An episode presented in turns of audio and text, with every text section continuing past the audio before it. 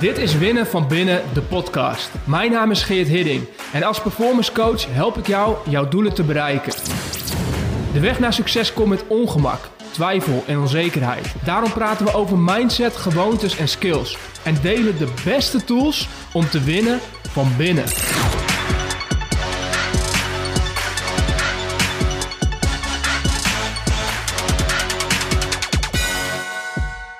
Hoe sta je stil bij dingen die aflopen, uh, veranderingen, dingen waar je afscheid van neemt?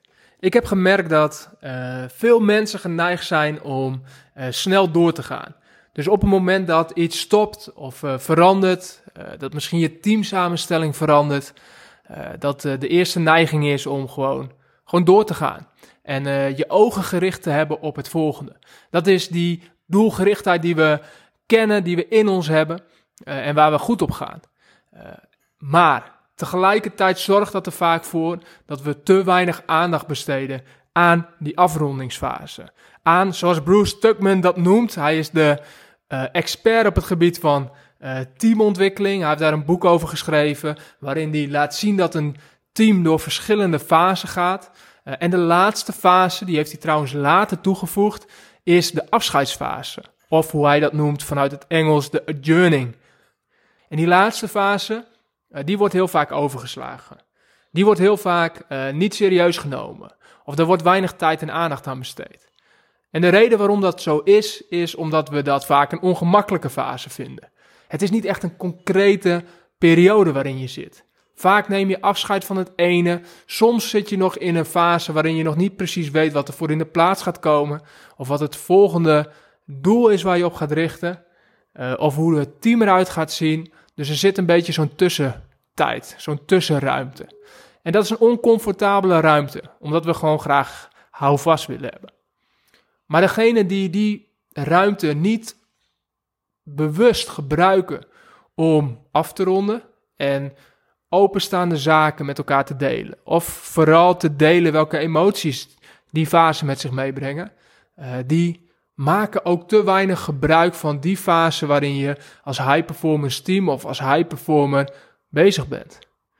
En ik deel dit omdat ik vandaag de hele dag aan de slag ben geweest met een team. Een team die deze fase juist centraal had gesteld die gaandeweg erachter kwam dat ze in die adjourning fase terecht zijn gekomen. Door organisatieveranderingen is het zo dat ze gaan veranderen, dat de samenstelling gaat veranderen. En dat ze niet precies weten hoe het er allemaal uit gaat zien en wie waar terecht gaat komen.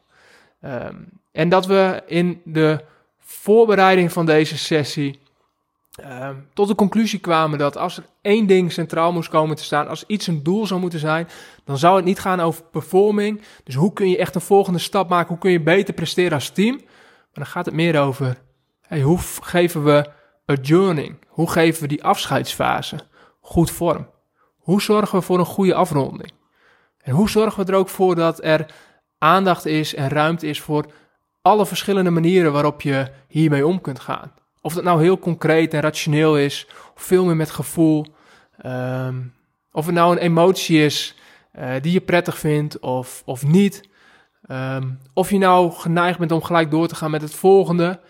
Uh, of dat je nog geneigd bent om heel erg vast te houden aan wat er nu is. Alles moet er kunnen zijn. En uh, de vraag is, hoe ga je ook dit stuk als team doen? En dit geldt voor dit team, dit managementteam, maar dit geldt voor jou als ondernemer net zo. Hoe ga je om met afscheid? Hoe ga je om met afronding? Weet dat als je geneigd bent om door te knallen en snel door te gaan, of het allemaal heel rationeel te benaderen, dat je daarmee een grote kans laat liggen.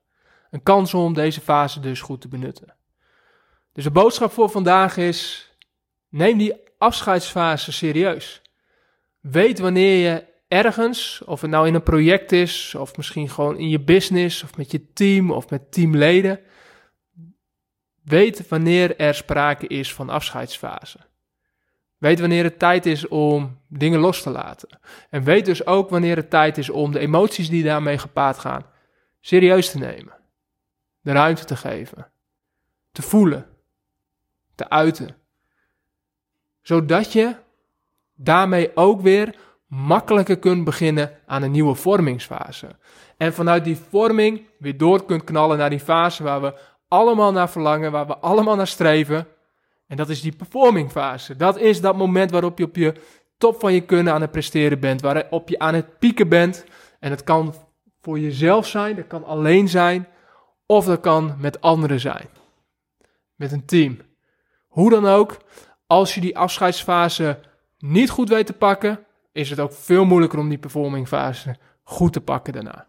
En andersom, de positieve kant daarvan is, als je merkt dat je in die afscheidsfase zit, neem hem, gebruik hem, geef hem vorm, zodat je vervolgens kunt knallen en zo snel mogelijk door kunt gaan naar die performing fase. Want in die fase, dat is de fase waarin je echt je doelen gaat bereiken. Thanks voor het luisteren naar Winnen van Binnen, de podcast. Ik hoop dat je er minstens één nieuw inzicht of idee uit hebt gehaald. Wil je op de hoogte blijven van nieuwe afleveringen? Schrijf je in op geerthidding.nl slash podcast.